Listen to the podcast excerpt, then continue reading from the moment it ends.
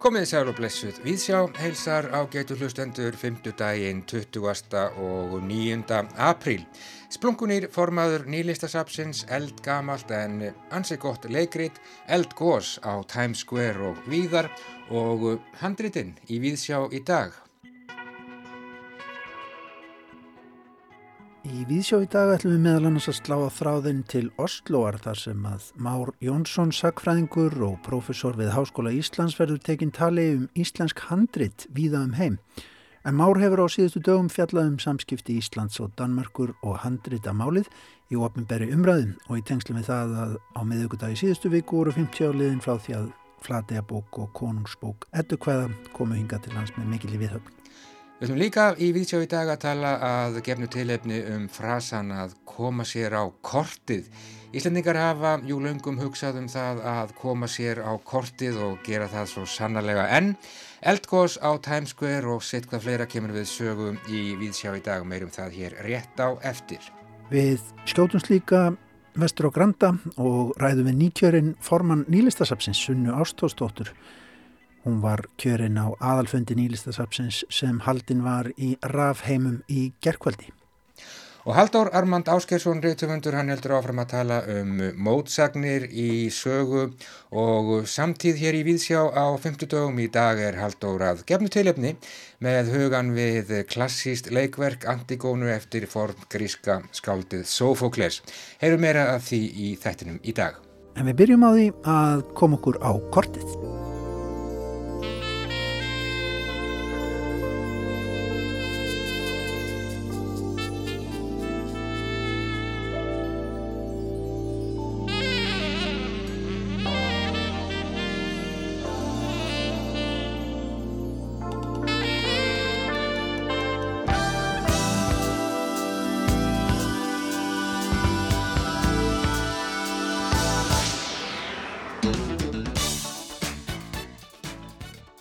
Koma okkur á kortið á getur hlustendur. Við erum alltaf að koma okkur á kortið. Ætli nokkur þjóði í heiminum hugsa jafn mikið og Íslendingar. Um það að koma sér á kortið þetta er eins og undirliggjandi sjúkdómur sem kallar á bólusetningu ekki setna en í gær, nú eða ekki. Nú síðast auðvitað eldgóðsið á Reykjanesi, drónamyndir, auðlýsingar á Times Square og víðar og Húsavík á Óskarsverluna háttíðinni. Þetta á allt saman að koma okkur á kortið og halda okkur á kortinu. Íslandingar voru fyrir löngu farnir að hugsa um þetta að koma sér á kortið löngu áður en ferðarþjónustu æðið byrjaði. Haldur Lagsnes kom okkur á kortið, Messoforti, Sigur Mólarnir Björk, Sigur Ós og svo auðvitað Hildur Guðnadóttir. Allt listafólk og það segir sína sögu. Það er okkar heitast að þrá að komast á kortið. Upphefðin kemur að utan og allt það, allt á að verða landkynning. Allt á þetta auðvitað mjög gleðilegt og allt var og er þetta fólk sannarlega þess verðugt að sigra heiminn og já, kom okkur í þeim skilningi á kortið.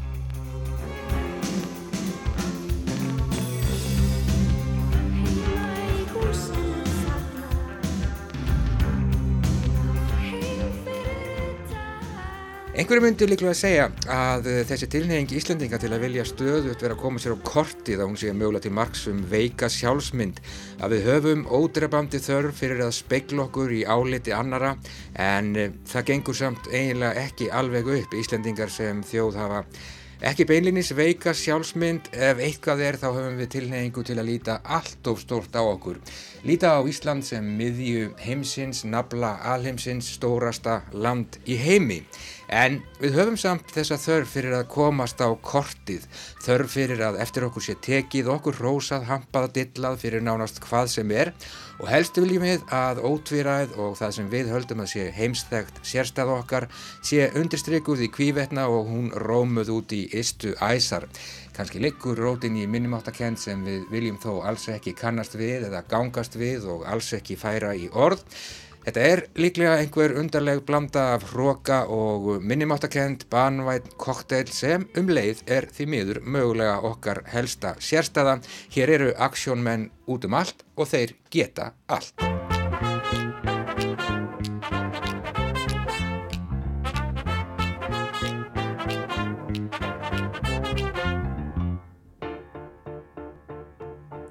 Veistu hver ég er, svíra sver og svakalega flinkur. Búinn í hvað sem er þú stendur klára því. Ég fer daglega í sund og heilast brund Sleipur eins og mingur. Í blíðum og stríðum Er ég sannur, aksjón maður Ég er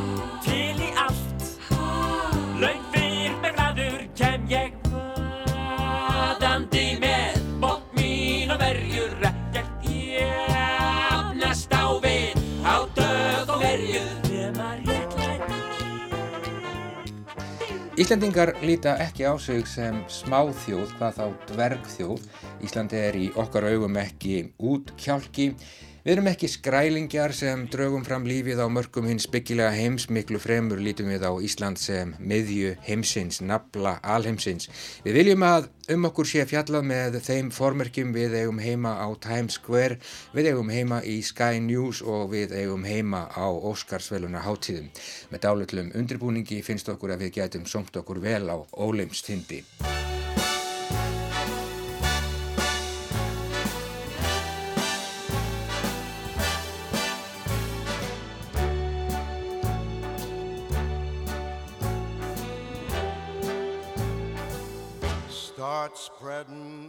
Við sjáum okkur bókmyndaþjóðin í skáldlegu ljósi, það er skert ljós og það á oft á tíðum ekki mikið skilt við veruleikan. Húsavík, þessi annars vinalegi bær, er skyndilega ekki lengur bara venjulegur smábær á Norðurlandi. Ekkert sérlega mikið að gerast þar þó kirkjan sé falleg heldur nafli alheimsins og við bóttum ekkert í því hvers vegna heimurinn var ekki fyrir löngu búin að fatta það. Íslendingar myndu líklega gerast nánast hvað sem er til að koma sér á kortið helst myndu við vilja hafa hér matlandi eldgós allan ársins ring með tilherandi auglýsingum á Times Square, tilherandi landkynningu allt til að koma okkur á kortið og allir vilja komast á kortið með einu með öðrum hætti. Ef ekki á heimsvísu þá að minnstakosti hér innanlands. Nú síðast sveitafélagið Ölfus sem hefur látið reysa gríðarstort Hollywood skilti upp á Hellisheiði sem kostar svo sem eins og 10 til 12 miljónir takk fyrir allt til að komast á kortið. Það kostar sem sé 10 til 12 miljónir og svo eru það einstaklingarnir, þeir gera sitt til að komast á kortið bara einir og sér og upp á einn spýtur. Eitt þeirra kom sér svo rækilega á kortið í vikunni, hann hafði reyndar verið þar áður, með því að fara svo gjörsamlega yfir strikið að um fátt annað hefur verið rætt undanfarna daga. Þessi maður uppskar einfaldlega nett vinnu yfirlit sem einn fremsti réttöfundur þjóðarinnar lagði á sig að taka saman og byrta. Það var alveg kostulegt og ég veit satt að segja eiginlega ekki hvernig viðkomandi laun þegi ætla sér að bregðast við því. Önnur sprengja sprakk með látum framann í andlitið á málshefjenda í vikunni sem myndist bæði á pjakk og prinsessur. Það fór algjörlega gjörsamlega út um þúfur en viðkomandi var að mistakosti komin á kortið.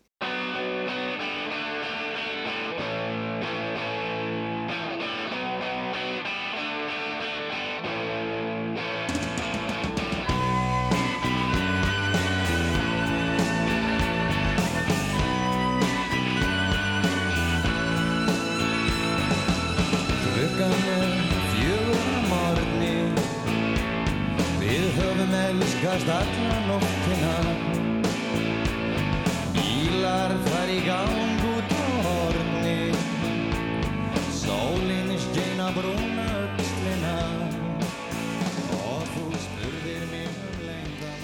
Já, kortið er það og á kortið skulum við komast hvað sem það kostar og hvað sem tautar og raular undirleikjandi sjúkdómur sem kallar á bólusetningu ekki setna en í gær, nú eða ekki. Allir nokkur þjóð í heiminum hugsi jafn mikið og Íslandingar um það að koma sér á kortið. Við höfum lengi dvalið í völundarhúsi þessara drauma. Það gís á Reykjanesi og það gís á Times Square og við þráum það heitast að gósið standi lengi yfir. Helst vildum við að það gísi líka á Péturstorkinu í Róm, Rauðatorkinu í Moskvu, Trafalgar Square í Lundunum eða skamt frá Eiffelturninum í París. Það getur kostað einn mann eða sveitarfélag svo sem er svo 10 til 12 miljónir að koma sér á kortið. Það getur málað einn mann gjörsamlega út í horn að koma sér á kortið. Þetta getur verið vandrat að einstígi en líklega, æfinlega, farsælast að vanda sig. Handan við sólsetrið gæti hugsanlega beðið okkar eitthvað sem er mjög mikilvægara en það að koma okkur á kortið.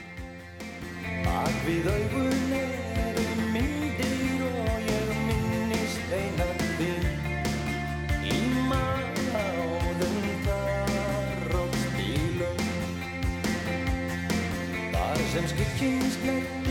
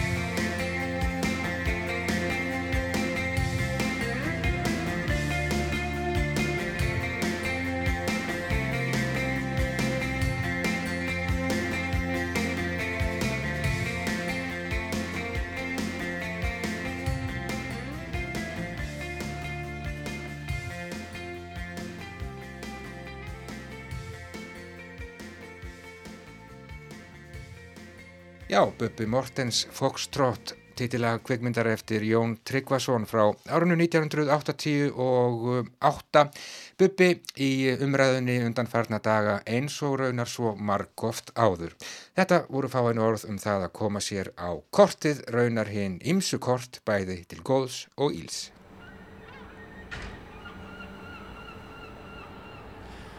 Eins og hlustundur heyra þá erum við komin niður að höfn í Reykjavík. Stöndum innan við Marshallhúsið, ástæðan er svo að í gær var aðalfundur Níló, nýlistasafsins, haldinn. Ég sá fallega mynd af, af listafólkinu sem að mynda nýlistasafnið þar sem að satt allt heimi á sér auðvitað og horfið á skjá og þetta var svona skjámynd af hópfundinum. Eh, En það voru kostningar sem að fylgdu aðalfundinum í gær og nýkjörinn formaður nýlistasafsins, Sunna Ástórsdóttir er hérna með mér. Til hamingi sunna að, hérna bara með nýtt kjör sko, ef ég spyrir þig þú náttúrulega þekkir starfsemi safsins til undanfarna ára hefur verið starfandi sem framkvæmdastjóri og kannski útskýri fyrir hlustandum bara munin á, á, á hlutverki formans annars vegar sem þú ert að taka við núna og svo, svo framkvæmda hliðarinnar takk fyrir Gunni, takk fyrir hérna kveðjuna. Þetta eh, eru náttúrulega aðskilin hlutverk. Framkvæmda stjóri er í rauninni ráðinn af stjórn sapsins en formaður stjórnar vinnur beint með stjórninni. Og engin formaður gerir neitt án góðra stjórnar eða án þess að vera í góðu samtala við stjórn.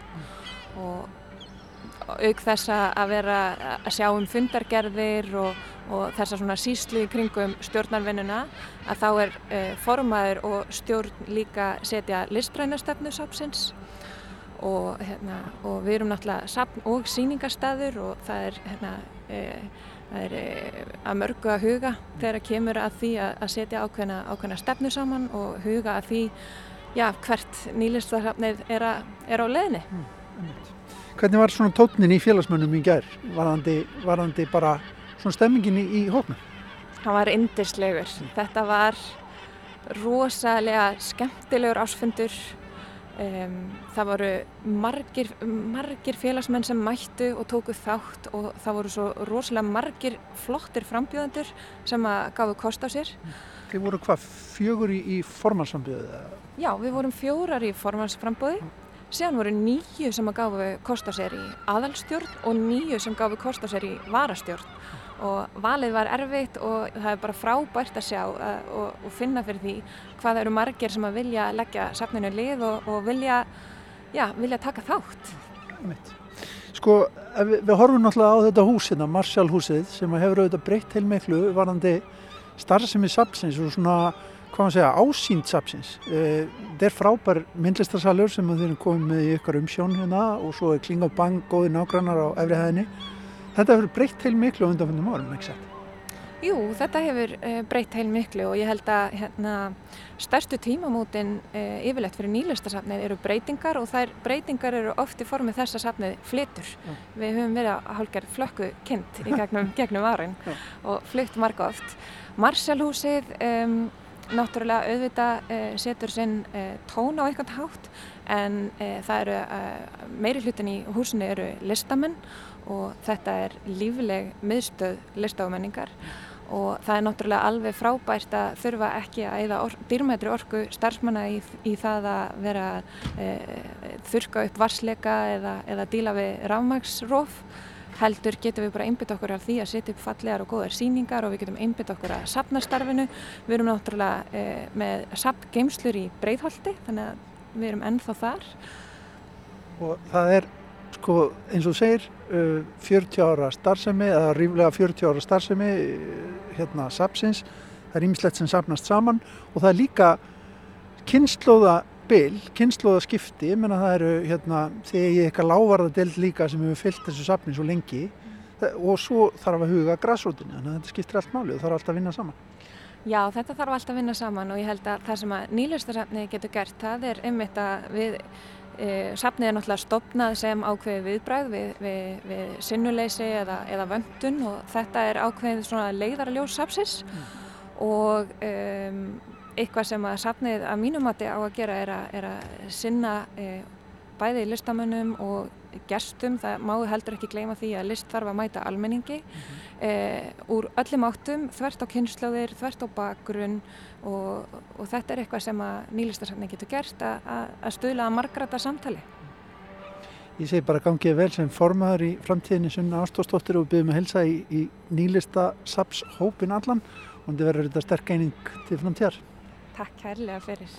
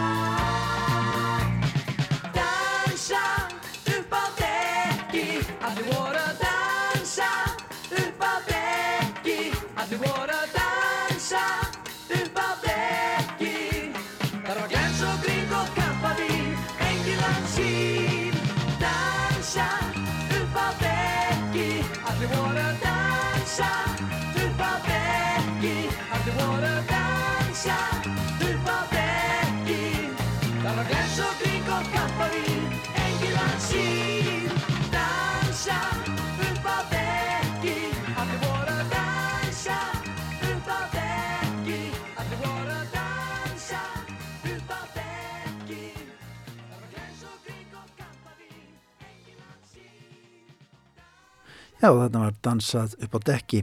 Hljómsveitin fjörefni frá árinu 1978 vinsælt lag það ár en það sama ár var einmitt nýlistasafnið stopnað. Rættum þannig stuttlega við Sunnu Ástóðsdóttur sem í gerkvöldi var kjörin nýr formaður nýlistasafnsins. En næstur á mælendaskrá hér í Víðsjá á fymtudegi er Haldur Armand Áskeirsson Rittufundur. Hann talar á fymtudögum um mótsagnir í sögu og samtíð. Í dag er hann að gefnu tilefni með hugan við gamalt leikrit.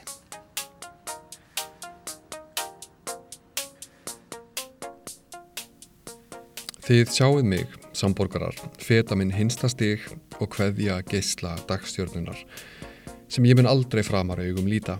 Hades, sem öllum veitir ró, stefnir mér yfir öldur fljótsins þögla.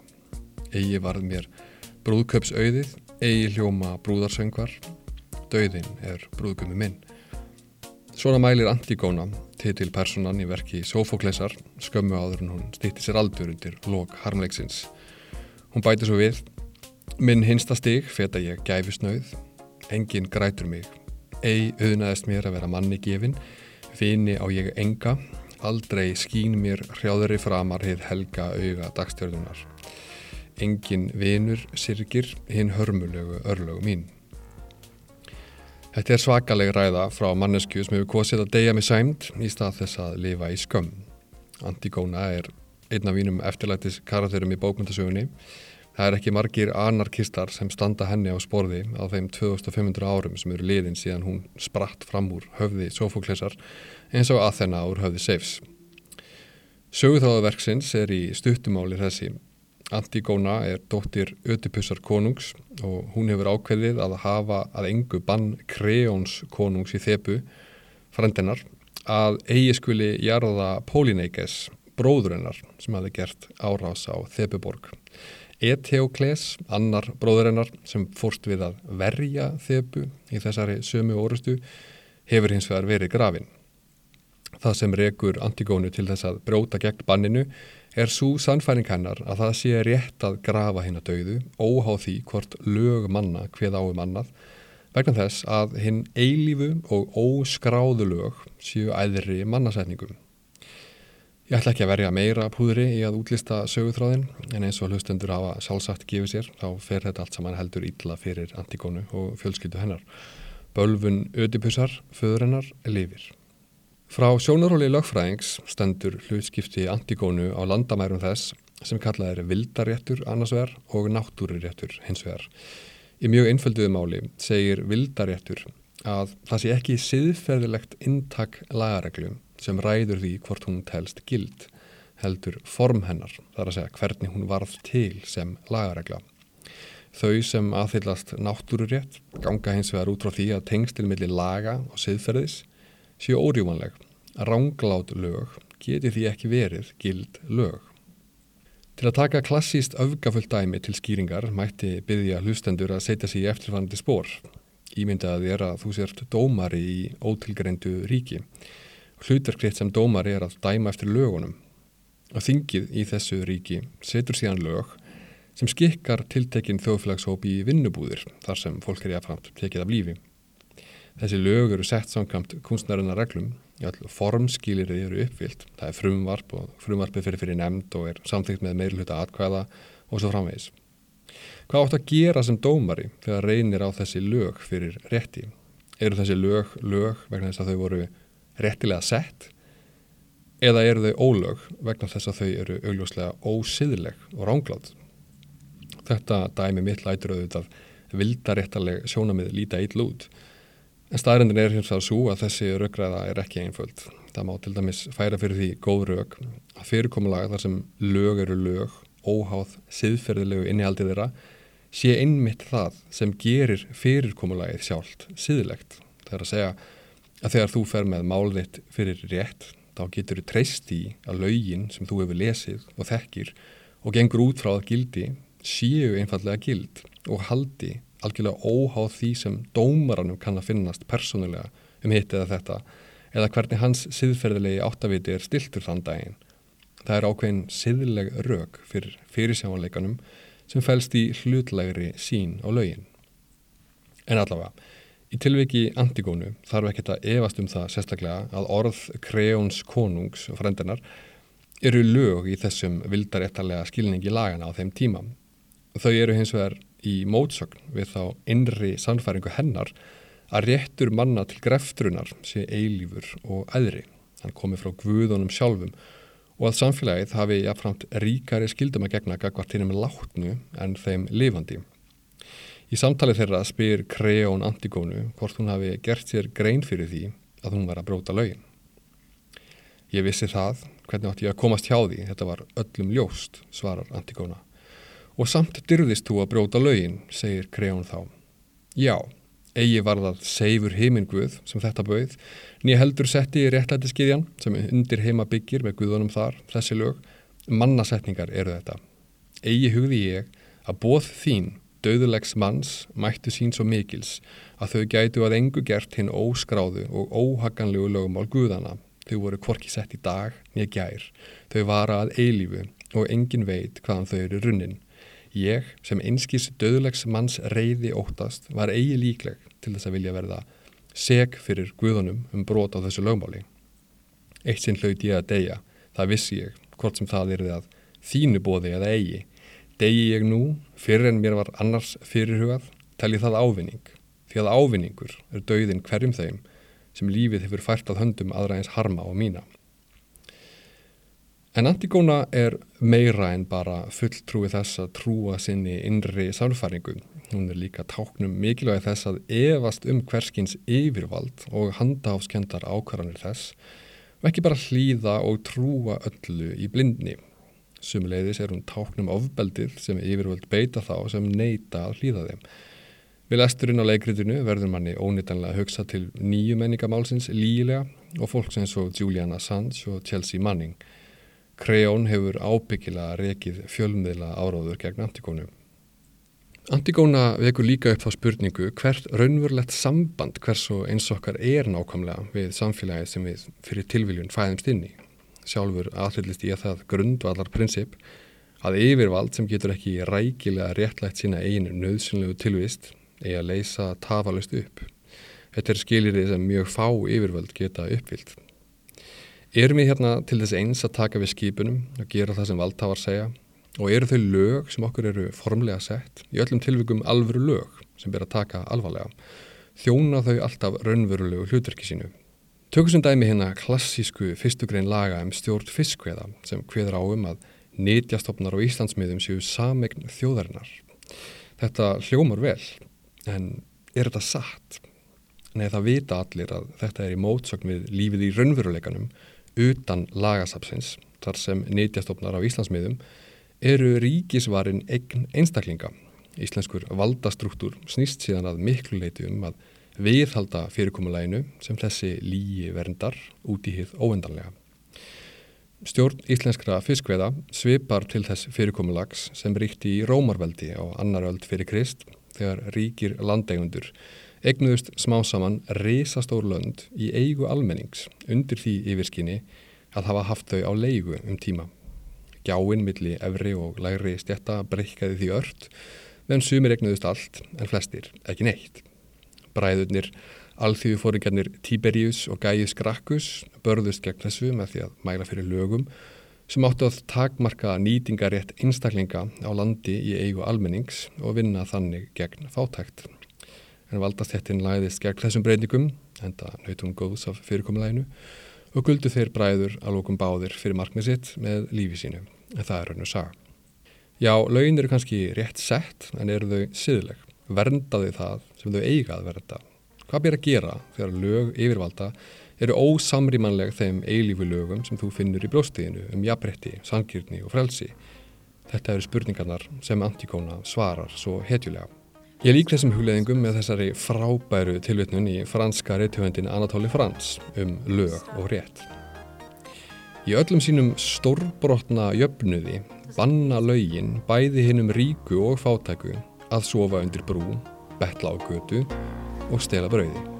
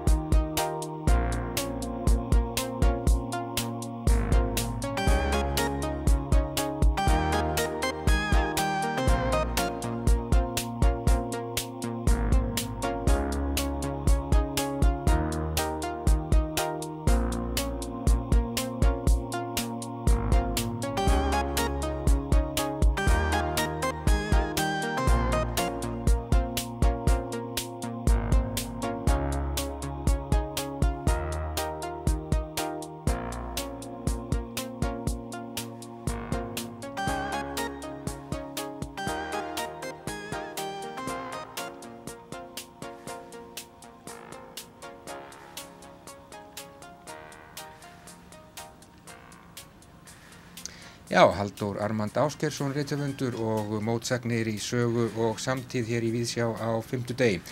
What's a girl to do? Hér í lokin, hvað getur einn stúlka gert? Ágætt spurning tónlistamæðurinn Bas Brón, öðrun rafni Fatima Yamaha frá Hollandi. Og við heyrum aftur í Haldóri hér í Víðsjá að hálfum mánuði liðnum.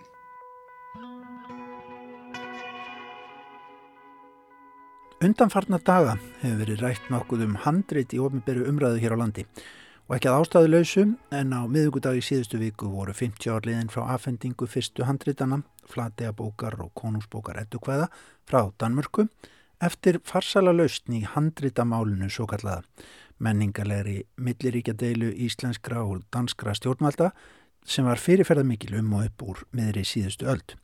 Allt fram á tíunda áratug síðustu aldar heldu síðan handrit áfram að berast hinga til lands, engum úr árnasafni í Kaupmannhöfn en líka úr konunglega bókasafnu þar í borg. Á afmælinu í síðustu viku tilkynnti mentamálaráðra Lilja Alfredsdóttir einnig um að viðræður væru hafnar við dönsk stjórnvöld um aukna samvinnu og framtíðar sín um málefni íslenskra handrita sem hýst eru í Danmarku. Þar kom fram að starfshópur skipaður fulltrúum begja ríkja muni skila ríkistjórnum landana niðurstöðum sínum síðar á árinu. Eitt þeirra sem hefur tekið til málsum þessi efni undanfarið er Mári Jónsson, professor í Sakfræði við Háskóla Íslands. maður sem hefur áratuga rinslu sjálfur í að rannsaka og miðla því sem þessi handritaarfur hefur að geima. Már skrifaði greinum málið á þriðjudag sem byrtist í fréttablaðinu en okkur hér í viðsjáleik forvitna á að ræða aðeins nánar við hann. Og Már er á línunni hjá okkur frá Oslo. Már af því ég veit þú ert einmitt núna að eh, vinnað yfirlitin og leggja eitthvað skonar mat á fjölda íslenskra handrita Erlendis í söpnum Erlendis, ekki bara í Kaupmannhöfn. Þá kannski byrja ég bara á því hvernig sækist svo vinna hjá þér? Já, sko, ég hef nú svona unnið á ýmsum söpnum um gegnum árin og, og, og þegar þetta kom upp úr ráðhæra þarna fyrir halvu öðru áraverða að um, þetta fara að, að gera kröfur frekari á Dani þá fór ég svona að taka þetta saman og hefur svo sem látið það bara líka ákveð til núna. Þetta er ítrekkað þetta er svona leiðið í láginni að ekki verið talað mikið um þetta fyrir núna á, á þessu 50 ára ammæli þá sem tækifæri notað að, að, að, að viðra þetta aftur og ég veit þannig starfsóptur og tala við einhverja nefndir og einhvers, einhvers, einhvers samtöld sem um, ánúnas raungera og þannig að ég svona sestu þetta aftur og, og fekk nú líka bara spurningu frá Ísindaveg um þetta, hvað varu mörg handrit íslenski útlöndum og, og ég svona er að sitja þetta og það ganga frá þessu núna bara næstu dögum. Þetta er nú reyndar flóki mál í sjálfu sér sko, þetta eru mörg sapn og, og söm bara nokkur handrita eða týjir handrita en það er náttúrulega miklu starri þannig að þetta er svolítið reytingur og, og það hverkir svona almennilega inn við sín yfir þetta til sko. En ef við hugsaum um já, það sem að kom frá Danmark á sínum tíma á laungu tímabili alveg frá 71 og, og fram á tíunda áratugin uh, þá er það að koma úr átnasafni en það gleimis kannski stundum að, að að eh, aðalhandritin tvö sem við tölum oft upp um og tölum um á, á tildöfum bara í síðustu viku, Flatega bók og, og Konungsbók, ettu hvað að koma úr, úr Konungsbókluðinni, þannig að þetta kannski átt að segja ekki alveg allir á því hva, hvaðan hvað kemur, ekki satt Nei, þetta er nú þetta er náttúrulega flókin og margbrotin saga bæði sagt, hvernig þessi handrit báður frá Íslandi og þá er ég nú að tala um skinnbækurnar fyrst og fremst sem er svona segja, það sem mest er uh, hugsað um og, og, og talað um eins og, eins og sé ekkert annað til en, en þetta fer í konunglubóklöðuna frá, frá ýmsum aðilum á Íslandi og, konungur létt á sapna líka og hafið svona áhugaðsvennum eftir með 17 og síðan eru líka setna á átjándöld eru semst danski fræðimenn að sapna handritum. Og þeir semst höfðu úti ímsafta og fengu handrit frá Íslandingum og Íslandi. Þetta semst rann svo inn í konunglega bókasafni þegar þeir laftnum og þeir afleitus safnið að þessu. Og þetta er svo mest að hafi og eitthvað að þessu komið aftur og það er semst í þessu þessum handrit að byggta umræður þá var semst fyrst og fremst verið að tala um átnasafn að því er í skipt. En síðan semst tókust slíki samningar uh, millir danskra og íslenskra fræðumanna sem stóður í þessu og stjórnmálamanna á einhver leiti að talsvert kom úr konunglu og bókleðinu og ég held að séu svona í átnastofnun á í Reykjavík kannski svona 130-140 handrit úr konunglu og bókleðinu sem þá með einhvern rökum sem þóttu henda til, til, til flutnings með fram á þessum helmingi átnasaps úr Götnafnar háskóla.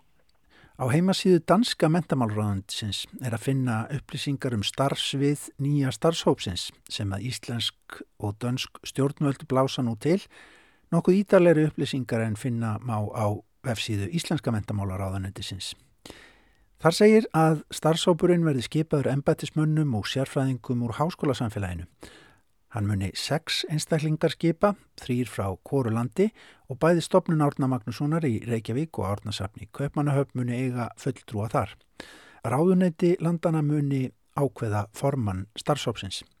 Starfsópurinn mun ræða hvernig megi lifta undir þennan merka menningararf bæði í samtíð okkar og framtíð en svo vinna muni byggjast á tvíliða samningi ríkjana frá 1965. Það segir jáfnframt að tilstandi að ræða aðferðir við að auka meðvitundum mikilvægi þessa menningararfs og styrkja miðlunans, aðferðir við að auka stafræna miðlun handritana til að bæta aðgengja að þeim, aðferðir við að styrkja rannsóknir og miðlun rannsókna og rættverður hvernig árnasafni í Kaupmannahöfn og árnastofnun í Reykjavík geti styrt samvinnu sína um rannsóknir, styrkja umhverfi og miðlun norrætna og íslenskra fræða almennt. Jafnframt muni starfsópurinn ræða lán á handreitum millilandana innan ramma samkomlagsins frá 1965 og í samræmi við skuldbindingar þjóðana því að þessi arfur er jú hluti af heimsminjaskrá UNESCO og starfshópnum er að lokum ætlað að skila niðurstöðum sínum fyrir 1. desember. Já, þetta plagg á heimasíðu danska mentamálraráðanetisins bendi nú alls ekki til þess að uppsýja að renna einhvers konar handrita mál hið síðara og undir það tekur Már Jónsson fyllilega. Nei, nei, nei, nei, það, það er útilokað. Það er talað mjög skýrt um það að, að allt þetta, öll þessi umræða farið fram innan samningsins, 65 þannig að, að og síðan er talað um, um lán og, og það ég líti ekki svo á að þetta verði neitt svona gravarvalegt eins og það kannski myndi maður hefur svo sem kannski svona smátt ráða af orðum ráð þeirra svona hinga til að þetta væri eitthvað meira sko en neina ég hef ekki ég held að það verður ekkert meira enda svo sem þjóðin hefur nákvæmlega engan áhuga þessu máli og og ekkert í líkingu við það sem var hérna fyrir 60-70 árum þess að þjóðöfni var í húfi og það þurfti að búið til afstöðu til þess að rannsaka þetta og, og, og, svo framins en, en svo laust sem náðist var bara mjög góð. Það eru rannsóknar á báðum stöðum og um að gera að, að um, hleypa krafti í það starf.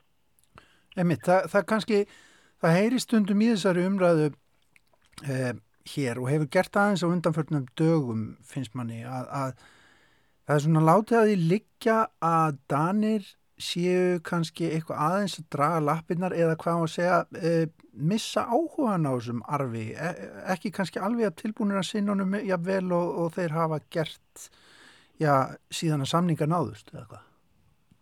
Það má vel vera að, að dansk stjórnvöld þau er að skera niður háskólukerfið og hafa verið að gera það í nokkur nokkur ár bara og það er ömulegt að, að fylgjast með því í raun og veru verið að segja pólki og svona.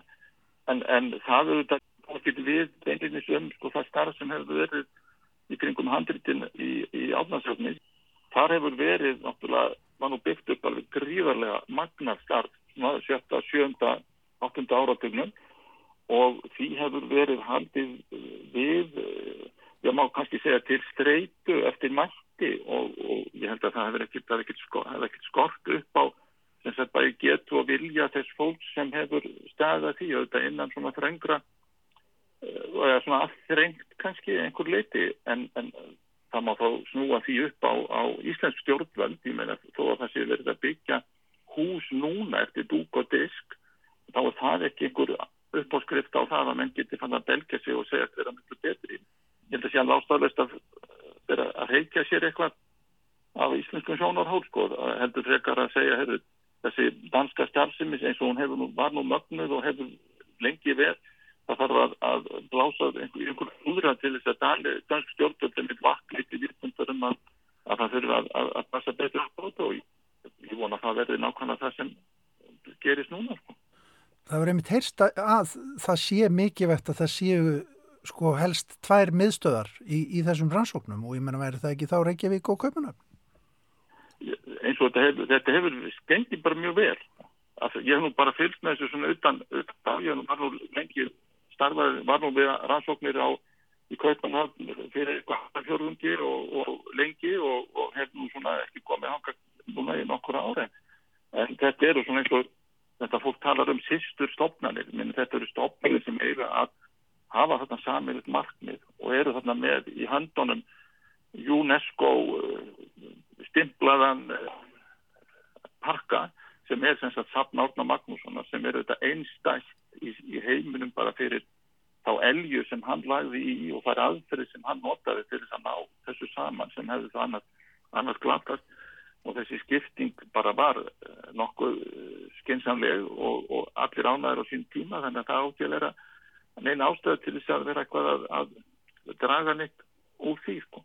En svo var það það náttúrulega handrit við annar staðar og ég veit ekki sko Stockholm, Uppsölum, Oslo, London, Oxford, Dublin, Princeton, Harvard, Paris, Berlin og það er þá eitthvað sem þessar einmitt ættu að geta saminast um að ná einhvern veginn tökum á þessu, ná einhverju heildar sín og ég myndi nú gera mig bara vonið um að þetta starf sem er nú á að fara, þessi umræð, þessi, samræðu sem er að fara að starfa um, lúti frekar að því að, að ná utan þennan, já þennan arf sem það er talað um, þetta eru bara handrið til þess að, að bæði fræðimenn og svo almenningu sem viti hvað er í gangi og hvað er til og, og svo framsvöldum sko. þannig að ég sé ymsa ymmi tækifæri í þessu sko.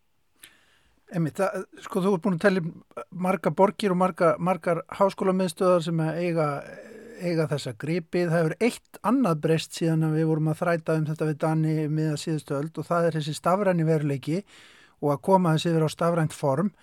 Uh, það lítur að vera algjört líkil atriði í, í dag að hérna, ja, geta stundar rannsóknir þvert á lönd og höf og komist í þetta á stafrænan góðan máta? Já, það, þetta er auðvitað algjör bilding hef, sem hefur átt sér stað svona síðustu 15-20 eh, árin að, að söfn er að taka mjög mikið af, að tekið mikið af mynda og það eru sett aðna það er þetta ótrúlegu vinnusbarnaður og tímasbarnaður að geta sem, til eru myndir einhvers staðar að geta gripið í þær og nota þær frekar heldur en að vera heitast á milli landa eins og ég gerði nú sín tíma en það eru, eru brotalamir í því það er ekki til handildum í Englandi er ekki neina myndir. Eitthvað smávegis frá Oslo vaksandi, það er áttak þar. Stokkólmi eitthvað smávegis Uppsölum eitthvað smávegis. Kaupmannhafnar eh, stofnunin er með besta ljósmynda á sínum vef og það er þá afrið eða stafræn afrið af ljósmyndum sem stofnunin er taka eftir því sem afhendingunni vart fram eh, handrið í bandaríkjónum sem er, það er ekki tilina myndi þannig að það er, það er emitt mjög auðvitað frábært aðrið til þess að, að gera eitthvað skukkík og þetta, og þetta nú kannski ekki svona neitt yfirtengilega mikið með svona reiknast til að, að það geti verið kannski svona þrjú, fjögur hundur handrit í öðrum söfnum heldur en Danmörk og, og Reykjavík. Sko. Þetta er sem sagt einmitt áttak sem væri hægt að gera að ná utan þetta að til þess að gera þetta eins og talaður um þetta nækingileika og stannist hvort sem er fyrir fræðumenn eða þá að, að því marki sem allþýða manna hefur áhuga þessu þá, þá er það verður þetta að því inni sko.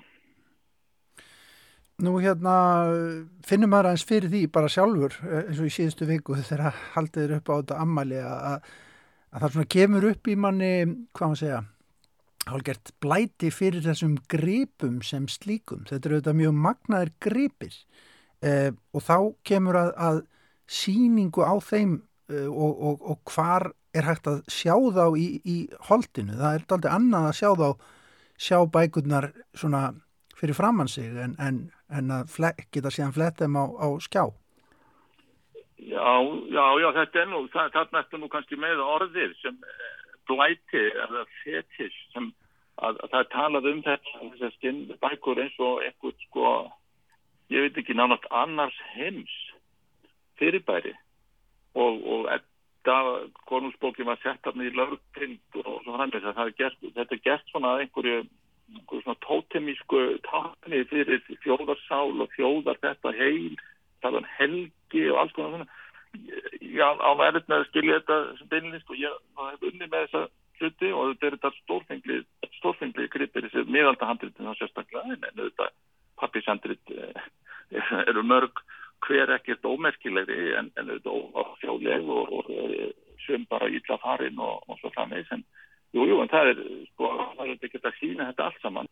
En sko þegar við talaðum um handrit ég meina að flest handrit miðalda eru Jónsbók það er nú kannski ekki texti sem beinunis er, er, er haldið á lofti þó að hann sé merkilegur sem grundallar lög landsins í nokkur hundur ár það er sem sagt langflesta skinnbækurnar þessar heilstæðu eru, eru, eru jónsbækur og, og, og á 17. og 18. þá eru mjög mikið til að lagarlu efni það er til ókjöra bænum og, og sálum og svo framins og framins sem er þessum að minna fyrir kannski í þessari óbyndaru umræðu þar sem alltaf er talað um eddukvæði og og Íslandingasögur og störtlungu jafnvel en ímest annan efni sem er látið gjört liggja svo svona fræðumennska miðalda, tímatalsreikningar og tala ekki um latínumentun Íslandinga sem fræðumenn hafa nú verið að strita við að, að, að, að ná saman úr þeim litur reyt sem, eftir er af þeim parti íslenskla menningar sem þetta var svona nánast eitt eftir síðaskiptin og Átni Magnússon hann heldur ekki sérstaklega áhugaði sko. þannig að það er svona sem, sem í þessum sko handritum sem er svona að fara miklu dýbra í heldur en, heldur en gert er og það verður vonandi gert á þessari, á þessari síningu. Saði Mári Jónsson, professor í Sackfræði við Háskóla Íslands og vísaði þarna í opnun hús Íslenskunar sem að ráðgerð er árið 2023 eftir langa og stranga byggingar sögu ef úti það er farið. Og svona ljúkum við viðsjá í dag og viðsjá hér aftur á dagskrá löst eftir klukkan fjögur á mánudag. Við minnum á úrval úr viðsjárþáttum þessar viku á dagskrá hér á rás 1 klukkan 14 klukkan 2 á sunnudag en við segjum þetta gott í dag. Takk fyrir samfélgina kærlega verðið sæl.